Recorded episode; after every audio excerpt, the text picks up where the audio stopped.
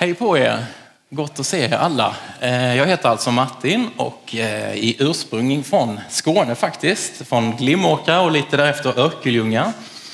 Eh, och har sen efter det kan man väl säga ja, bortvandrat och numera också utvandrat ifrån Sverige. Jag bor numera i Norge, i ett ställe som heter Askim. Det ligger cirka 45 minuter från svenska gränsen. Jag har med mig min fru Irene och mina två barn, två av tre. Eh, Mattis är inte här, min äldste son, idag, men jag har Bella och David med här idag. De är på söndagsskolan nu tror jag. Tack för att jag fick komma hit denna helgen, det var väldigt gott. Tack Anders och Kajsa sitter, Kajsa sitter där. Och Ingrid och Thomas som jag fick inbjudan av. Väldigt gott att få ha delat dessa dagar med er och med eh, alla musiker och sångare som har varit med denna helgen. Det har varit en väldigt god helg. Eh, och eh, jag önskar verkligen allt gott framöver. Jag ser att det är gott om folk och det är en väldigt god eh, ska vi säga, en atmosfär. Jag märker väldigt tydligt att, att här finns en öppenhet och en, en vilja att vara med och vara delaktig. Och det är inte alltid självklart. Ta vara på den. Ehm, eh, ta vara på den, eh, vad ska vi säga, öppenheten som finns här. Den är inte självklar. Eh, utan var, var, med, var med och var med i, i eh, det som Gud vill göra och sitt öppna och eh, var delaktiga. Det är gott. Ska vi bara be tillsammans. Tack Herre för att du är här med din heliga Ande just nu. Jag ber att du skulle leda denna eh, förmiddag även i fortsättningen. Tack att du sitter här och rör vid människors liv och du vill tala till, till hjärtan och du vill ge ett ord och du vill ge kanske en, en öppning i en människas liv idag Herre. Eh, vi ber så i ditt eget namn. Amen. Jag tänkte idag dela några tankar kring temat att leva i tillbedjan. Eh, och jag har hört både Rickard igår och lite av det som har sagts idag och det var väldigt, väldigt komiskt att Rickard han har, han har faktiskt valt många av de eh, bibelställen och de situationer i Guds ord som, som jag redan också hade plockat ut. Så det går lite stick i stäv och det är väldigt gott för jag tror att det är någonting som Gud vill säga idag och denna helgen. Någonting som han vill understryka. Ehm, att leva i tillbedjan. Eh, den tyske prästen och teologidoktorn Dietrich Bonhoeffer, han fick bara leva ett kort liv i början av 1900-talet. Förutom sin radikala trosbekännelse så var han en aktiv motståndare till nazismen och judeförföljelsen. Han blev en martyr för sin kristna tro eh, och hängdes faktiskt 1945. Och jordelivet, det togs ifrån honom, eh, men hans kärlek till Jesus kunde ingen ta ifrån honom. Han sa ända in i sin död att, att i tillbedjan älskar vi Gud för hans egen skull. Det står förresten där. För den han är och för den glädje som flödar ifrån honom. I tillbedjan älskar vi Gud för hans egen skull. För den han är och för den glädje som flödar ifrån honom. Och skulle vi googla begreppet tillbedjan så skulle vi få synonymer som dyrkan och vördnad, eh, lov, kärlek, beundran och till och med svärmeri. Eh, och då kanske tillbedjan blir som allra tydligast är då, då vi som enskilda men också som församling väljer att fokusera på Gud och uttrycka det vi har på vårt hjärta inför honom. Jag tror inte Gud skapade oss som eh, självgående enskilda individer, precis som vi fick höra igår, den här privatsfären. Utan han skapade oss med en, med en vilja, en egen vilja och en, för att ha relation med honom. Med en inbyggd evig törst efter mer av honom. Och detta är inget nytt påfund, utan detta går så långt tillbaka som i gamla testamentet till, till Mose och till Adam. Eh, där vi uppmanas så många gånger i Guds ord att tillbe och ära honom.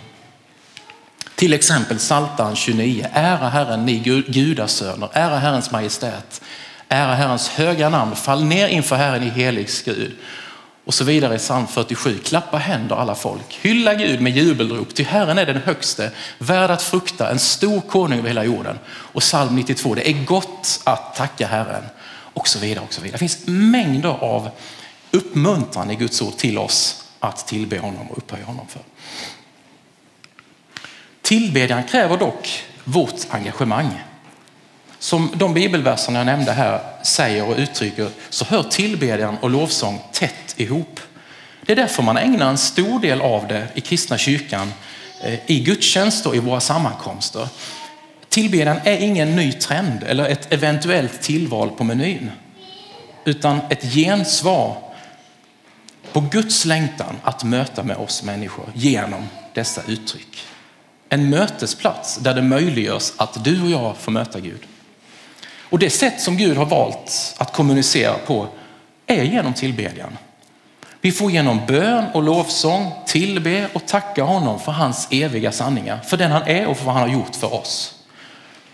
Och vi har med all rätt vi har all rätt att ha olika syn på lovsång i den form vi har när vi sjunger och så vidare. Eh, absolut. Vi har olika smak och tycke, eh, i vilken omfattning och i vilken genre och så vidare. Med all rätt så ska vi ha respekt för varandras smak och tycke. Och jag har rest runt en del likt dessa helger och träffat ganska mycket människor eh, och mött ibland den, den åsikten att ah, det där är ingenting för mig, det är så slamrigt och enformigt, det tar aldrig slut och så vidare. Och jag har full respekt för det.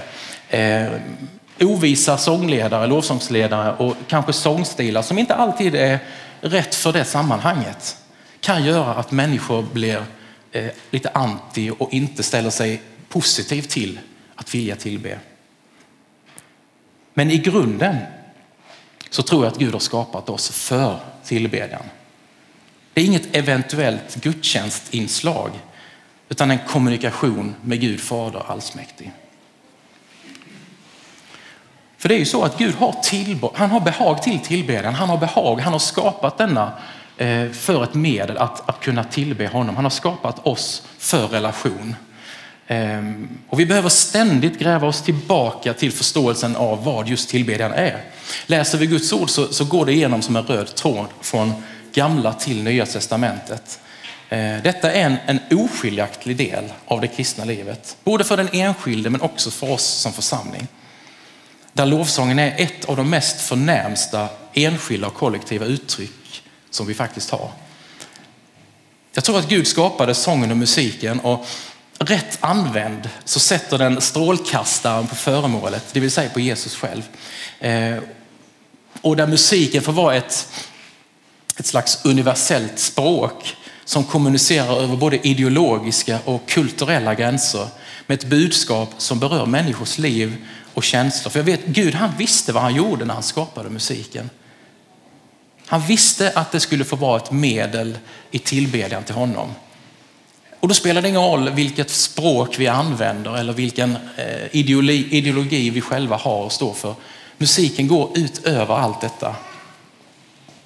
Och ända sedan upplysningstiden så har vi trott att det finns en sfär där Gud inte är närvarande. Men Bibeln talar om att hela livet behöver göras heligt. Som Psaltaren 24 uttrycker det, hela jorden är Herrens. Alltså allt som vi uppriktigt bär fram till Gud för att ära honom blir heligt. Tillbedjan är ett gensvar på den treenige Gudens nåd. Vi har precis sjungit, jag vet inte om ni tänkte på det, att vi sjöng Amazing Grace fast i en lite annan eh, version idag. Rakt av oändlig nåd fast i en lite ny tappning. Guds tanke inte var, var inte att vi skulle lyfta luren 15 minuter varje söndag förmiddag. Utan att detta skulle få vara en livsstil, precis som Rickard pratade om igår. Det skulle få vara en livsstil i relation med honom. Det är som reportern på tv-programmet När och fjärran, jag vet inte, det var några år sedan det gick tror jag, eh, som sitter på en svensk bergstopp ganska högt upp med en storslagen vy framför sig. Man hör den bäcken, fjällbäcken som rinner ner för berget och snöklädda toppar och så vidare. Och så säger reportern i en slags andäktig förundran att nu skulle man ha någon att tillbe.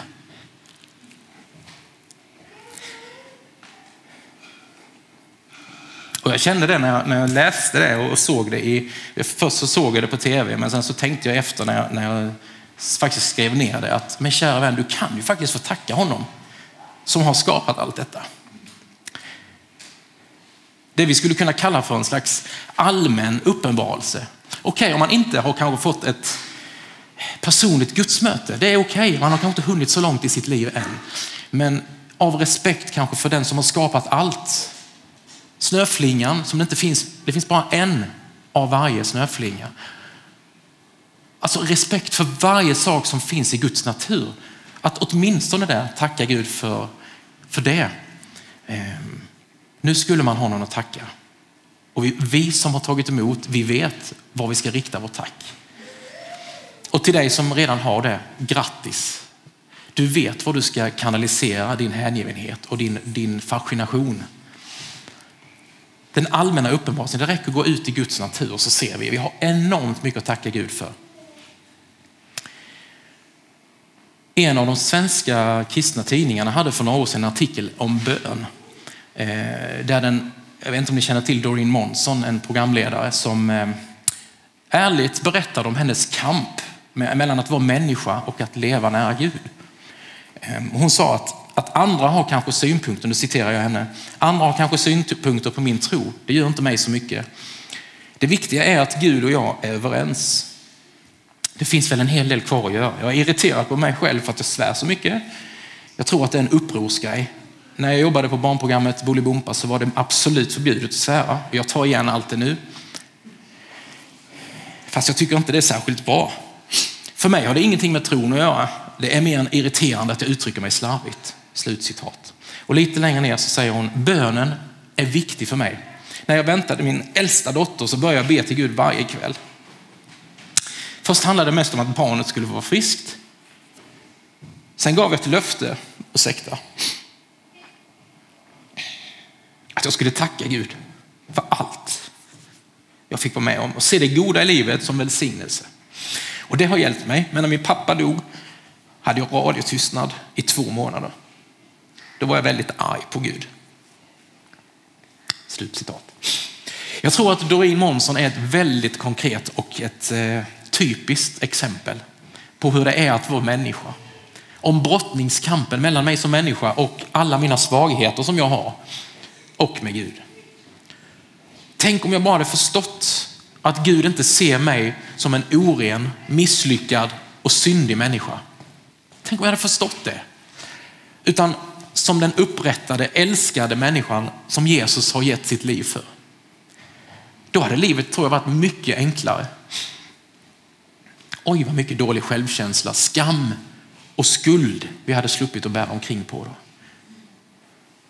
Vi ska absolut ha respekt för att, att vi även är syndiga människor. Vi ska absolut vara medvetna om det. Men jag tror det är farligt att fastna i det och bara se den mörka sidan av att hur dåliga vi är och vilka syndiga, fel, felaktiga, eller på att säga vilka, vilka människor vi är som bara gör massa felsteg. När Gud ser på oss ur ett helt annat perspektiv.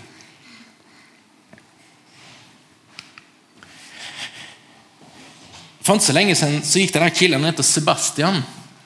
Han gick vilse i svenska fjällen vid Jokkmokk. Men tack och lov så upp, Eh, upptäckte de honom välbehållen igen. Eh, och då han hittades så var det första han sa, mamma, mamma, vill att du kramar mig. Och ända sedan Eva och Adam faktiskt i syndafallet så har vi sprungit bort ifrån Gud, eh, vår far, och vi tappar kontakten med honom. Ända sedan Adam och Eva så har det varit så. Men vi får alltid komma tillbaka till hans öppna och kärleksfulla famn. Och historien om Sebastian blir inte sämre för att hans mamma heter Gudrun.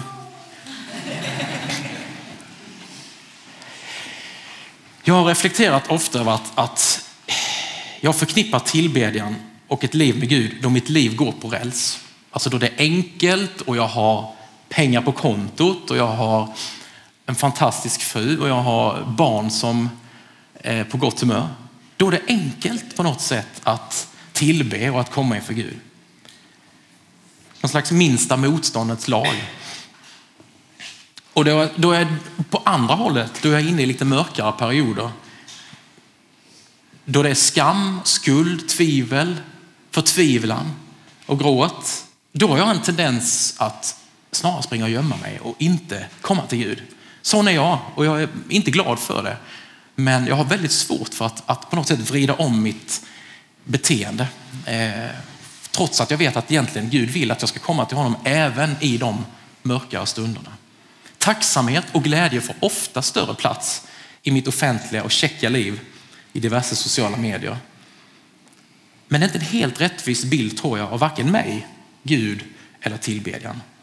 Många av Gamla Testamentets böcker, Davids psalmer i Psaltaren till exempel, Jobs bok, Klagovisorna inte minst, är böner födda under stunder av djupt mörker och förtvivlan. Att med tårar komma inför Gud i tillbedjan är den mest, ett av de mest intima sätten att närma sig Gud på. Och är det någon som kan förstå oss innerligt och äkta så är det han som faktiskt torkar våra tårar och lyfter upp oss i sin famn och vaggar in oss i tryggheten igen hos sig själv. I Guds famn, vi sjöng om Guds famn innan de första sångerna här idag. Där är vi trygga och i hans kärlek så saknas egentligen ingenting. Jag tror att, att hela livet ryms i tillbedjan, även mina mörka stunder. Den amerikanske författaren eh, och teologen Aiden Wilson Tozer, han skriver i en av sina böcker att Gud gör allt med ett syfte. Blommorna skapades för att vara vackra, fåglarna för att sjunga, träden att bära frukt. Men Gud gjorde människan till skapelsens krona för att älska honom, uppskatta honom, njuta av honom och tillbe honom. Blommorna är fortfarande vackra, fåglarna sjunger och träden bär fortfarande frukt. Men hur är det med människan? Gud gav människan en harpa, men den ligger tyst vid hennes fötter. Ett ofta citerat bibelställe då vi pratar om tillbedjande är Johannes 4 och 23. Den tid kommer, ja den är redan här faktiskt, då alla sanna gudstillbedjare ska tillbe Fadern i ande och sanning. Ty så vill Fadern att man ska tillbe honom. Gud är ande och de som tillber honom måste tillbe i ande och sanning. Ett annat citat ifrån grundaren till den kristna amerikanska studentrörelsen Passion, Louis Gigilo, han säger att tillbedjan är vår respons, både personligt men också tillsammans som församling till Gud för vem han är och för vad han har gjort, uttryckt genom vad vi säger och hur vi lever. Precis det också som Rickard han pratade lite om igår, livsstilen, hur vi lever.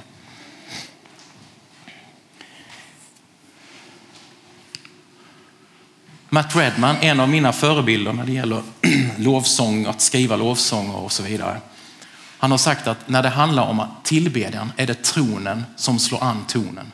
Jag tycker det är väldigt bra. Väldigt bra. Tronen som slår an tonen. När vi samlas är det inte bara till en kyrkolokal här som vi kommer, utan vi kommer inför Guds egen tron. Det handlar alltså inte i första hand om mig eller oss, vilket humör jag är på, vilken omständighet jag kommer ifrån eller på väg in i. Vi måste inse, tror jag, att, att gudstjänsten inte i första hand handlar om oss. Gud bevarar oss ifrån att gudstjänsten skulle vara någon slags kristen veckounderhållning. Jag säger inte att vi har det eller att ni har det här eller att jag heller lever i det där hemma, men det kan ske att det blir en passiv eh, veckounderhållning där vi sitter bara som mottagare och konsumenter. Eh, att fira gudstjänst innebär bokstavligt talat att göra tjänst inför Gud. Paulus säger vidare i Romarbrevet 12. Därför ber jag er bröder vid Guds egen barmhärtighet att frambära er själva som ett levande och heligt offer som behagar Gud. Det ska vara er andliga gudstjänst. Ett praktiskt uttryck av tillbedjan är att leva ordet tack. Vi är skapade till detta. Vi finns inte till i första hand för att köpa bilar, äta mat och inte ens för att, att skaffa barn, om man uttrycker sig slarvigt. Det, det yttersta syftet, tror jag, med våra liv är att vara tillbedjare som säger tack. Och jag skulle vilja påstå att alla människor nog egentligen tillber. Frågan är bara vad. Det är bara att följa spåren av ens eget liv. Vilka val och vilka prioriteringar man har. Där ser vi ganska lätt vad som får hamna, på, om man nu får säga så, på tronen i mitt liv. Och jag tror ofta, dessvärre, att vi söker oftare Herrens händer än Herrens ansikte. Vi är väldigt snabba på att springa till Gud när, när vi har ett behov. Vi behöver kanske hjälp med någonting eller vi, och det ska vi absolut få göra. Det är inte det jag menar. Men vi, ofta kommer vi till honom när vi vill, Gud hjälp mig med detta. Eh, och när vi väl har fått upp, behovet uppfyllt så i bästa fall så kan vi ge honom ett tack. Kommer vi ihåg det? I bästa fall. Jag tror inte det är obibliskt på något sätt att be Gud om saker. Självklart så ska vi komma till honom och göra det. Men det han längtar efter allra mest, faktiskt så mycket så att han sände sin son i döden, det är en levande relation med oss. Och förutom att Guds ord uppmanar oss till detta, till att tillbe honom, så är en konsekvens av sann tillbedjan att situationer förändras både i den andliga världen men också i den synliga. Som till exempel det vi hörde om igår. Detta är ingenting som jag kommit på efter att Rickard han sa det, utan det här jag faktiskt tänkt att säga ändå, om Silas, eh, Paulus och Silas. En konsekvens av sann tillbedjan är att saker och ting faktiskt sker i den, den fysiska verkliga världen också. De satt där piskade och fängslade med fötterna i stocken. Definitivt inte den mest glamorösa eh, tillvaron. Men ändå så valde de där att mitt i natten ta vara på tiden och vara inför Gud. Och det fick ju också sina konsekvenser. De kom fria. Gud kom och ingrep. Det kan vi läsa om i Apostlagärningarna 16. Ett annat exempel är andra krönikaboken om kung Josafat. Ehm, längst fram i frontlinjen fick lovsångarna stå. Det kan man tycka, vad är det liksom för en... Bara tanken är ju helt idiotisk. Att sända, jag kan bara se framför mig, där sänder man gitarristerna och pianisterna och trummisarna, de mest klena människor som bara finns. De är inte, ens, de är inte ens intresserade av idrott. De har inga förutsättningar alls. Men de skulle fram, längst fram i fronten. På något sätt Guds omvända princip. Det är ganska likt Gud det här med att välja ut det som är svagt. Det är inte det här vanliga som sker i det mänskliga. Att där ska man välja den bäste, mest kompetente, mest utbildning, högst ansatte och så vidare. Nej, det är inte de i första hand alltid Gud väljer, utan det kan vara den som har gått igenom mest skit, mest erfarenhet av hur det är att leva livet. De ibland är de som Gud upphöjer och använder. Gud är på något sätt omvänd, den omvändes teologi, att han, han vänder på hela och säger att det är inte dig det hänger på. Det är faktiskt inte på grund av dina kompetenser eller dina eh, erfarenheter. Det är faktiskt för att du är den du är och jag har ut, utvalt dig. Längst fram fick lovsångarna gå. Det säger mig någonting om vad Gud han, vad han vill och vad han har för prioriteringar. Och till sist, om det är någonting jag önskar att du skulle ta med dig ifrån denna helgen, men också från denna förmiddag, så är det att tillbedjan är startpunkten, grundpulsen, livshållningen och slutmålet för det kristna livet. Startpunkten, grundpulsen, livshållningen, alltså livsstilen och slutmålet för det kristna livet. Med all respekt för det som Paulus och Silas fick utstå då de pryglades för sin kristna tro. Gud bevara oss att vi aldrig ska behöva hamna i den typen av förföljelse eller fängslande för vår kristna tro. Ändå vågar jag påstå att, att när vi lever i tillbedjan så kan till och med en fängelsehåla få bli en tronsal. Fylld av Guds härlighet där han får komma och bryta in. Ehm, och jag längtar efter att få se människor och församlingar som i ännu större utsträckning vågar släppa spärrarna av människofruktan och med ena armen sträcker ut sin ena arm ut till människan som är än så länge inte har mött Gud och den andra handen upp i ärlig och sann tillbedjan. Och säger kom som det är, bli inte som oss. Bli den du är kallad att vara.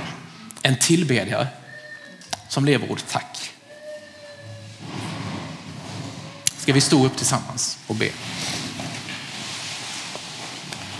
Och ni kan komma upp. Herre, du är värd all lovsång, all tillbedjan. Tack för att vi får komma till dig och att vi får på nytt överlåta våra liv till dig. Hjälp oss att än mer leva våra liv i tillbedjan. Vi ber att det inte ska vara en klyscha eller ett, ett fromt uttalande i första hand, utan vi vill att detta ska få bli en, en, eh, en erfarenhet i våra liv, en livsstil. Att det blir lika självklart här för oss som luften vi andas. Herre, du är hela livets Gud och vi vill be, vi vill be dig nu att, att lära oss att tillbe dig i ande och sanning med allt vad det innebär. Lär, lär oss att bli dem, Herre, som du har kallat oss att vara. Tillbedjare som lever ut ordet tack. Amen.